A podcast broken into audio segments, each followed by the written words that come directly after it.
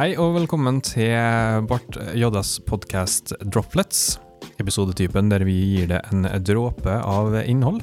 Mitt navn er Marius, og i dag tenkte jeg at vi skulle ta oss en tur nedover Minnegata.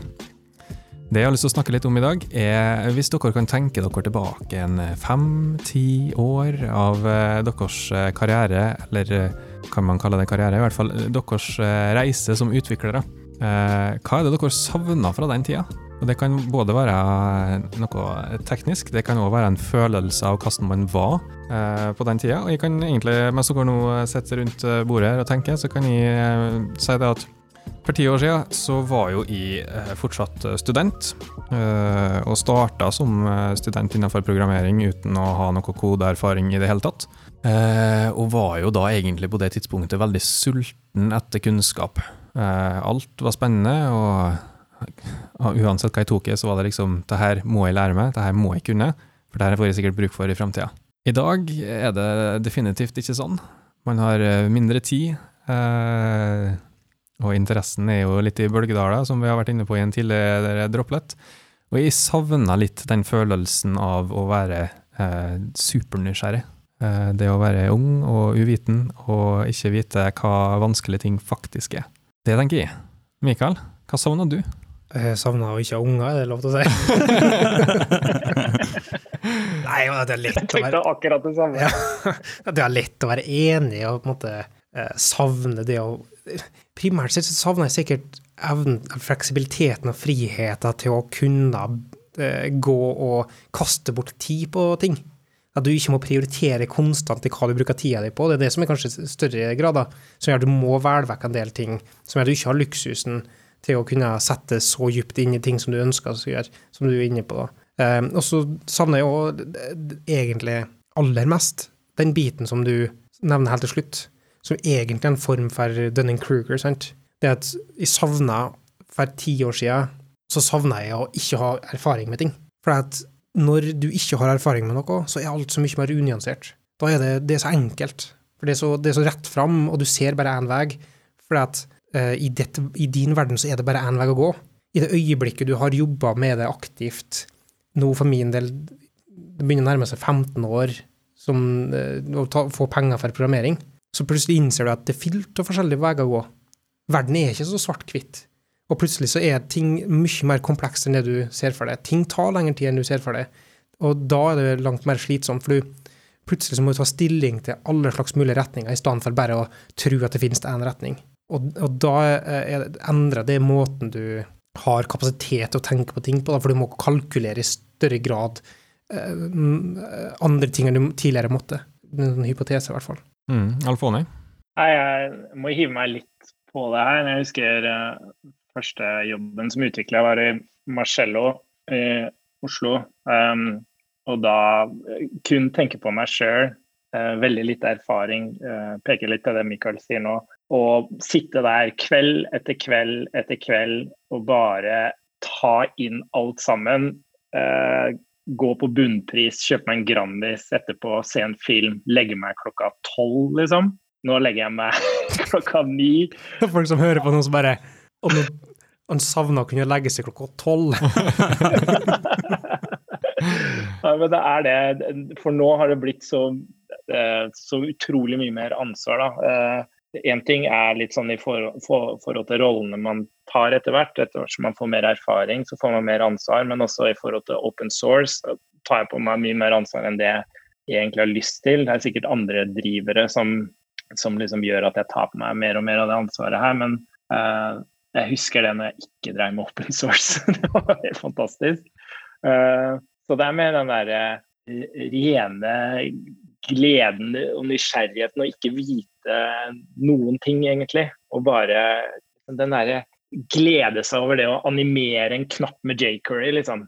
Den, den gleden der, den, skal hive meg langt etter å få igjen den samme gleden, da. Jeg må virkelig liksom gjøre noe mye større, da. Eh, fordi man kan jo mer. Eh, men fordi man da gjør større ting, så tar det lengre tid, man tar på seg mer ansvar. Så alt blir så mye større, og det er litt slitsomt, syns jeg. Så det savner jeg at ting var mye enklere før. Ja, for, for, det får meg til å tenke på en ting før jeg kaster ballen til deg, Trygstad.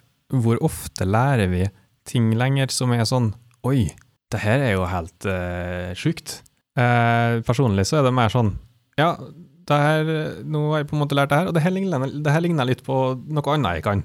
Du, jeg, jeg, tror ikke det er så enkelt og rett fram, da, skal vi være helt ærlig. Nei, nei. For at det jeg tror egentlig skjer, det at du lærer i samme frekvens, og du lærer på samme måte, men det er vanskeligere å identifisere det du har lært.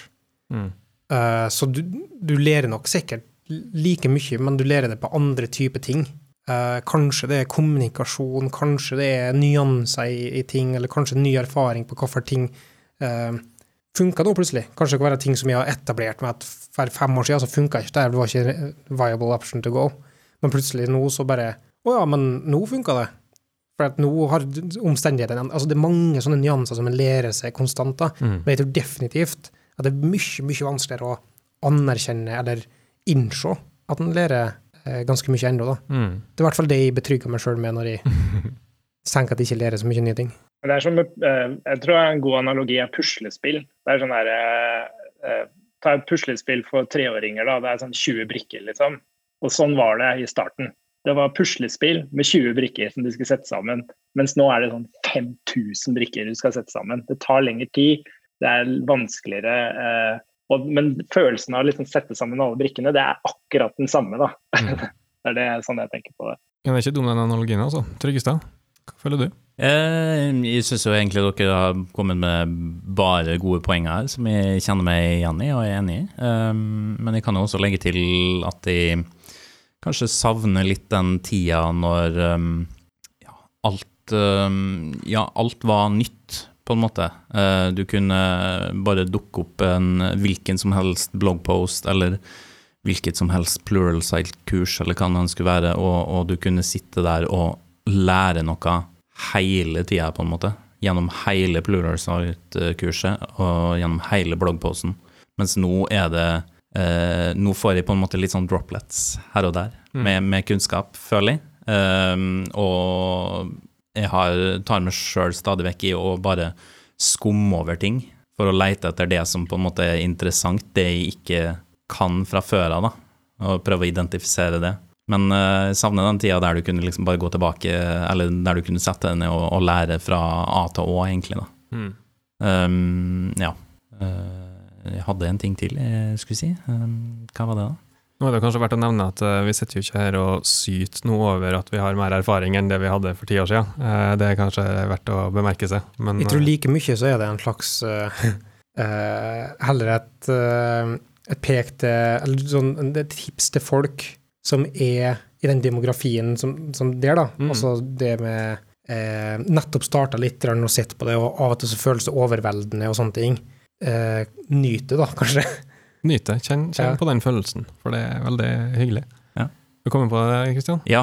Eh, det har egentlig med, med, den rollen på en måte jeg har hatt eh, i stort sett de, alle de siste oppdragene jeg har hatt eh, de siste årene, og det er at jeg har gått mer inn i en sånn eh, arkitekt-slash-potet-rolle, der du gjør masse arkitekturstæsj, du gjør eh, devops. Og noen ganger så tar jeg med å savne den tida der du ikke brydde deg om det der i hele tatt, og bare satt og hamra på tastaturet og bare fikk ting til å funke. Der du ikke tenkte stort på alt og var opptatt av at webpack-konfigen din skulle være superkompleks og skulle ta alle cases. Du bare, Så lenge det funka akkurat der og da, så var det liksom bra nok. Det, ja, det er sant. Hva skal vi oppsummere denne episoden her med? da? Eh, ta vare på læregleden. Den er viktig. Og vi er en homogen masse. Absolutt. Som alle har det sånn. Som alle har den samme opplevelsen. Det var alt vi rakk for denne droppletten. Jeg håper du tuner inn neste episode. Vi høres da.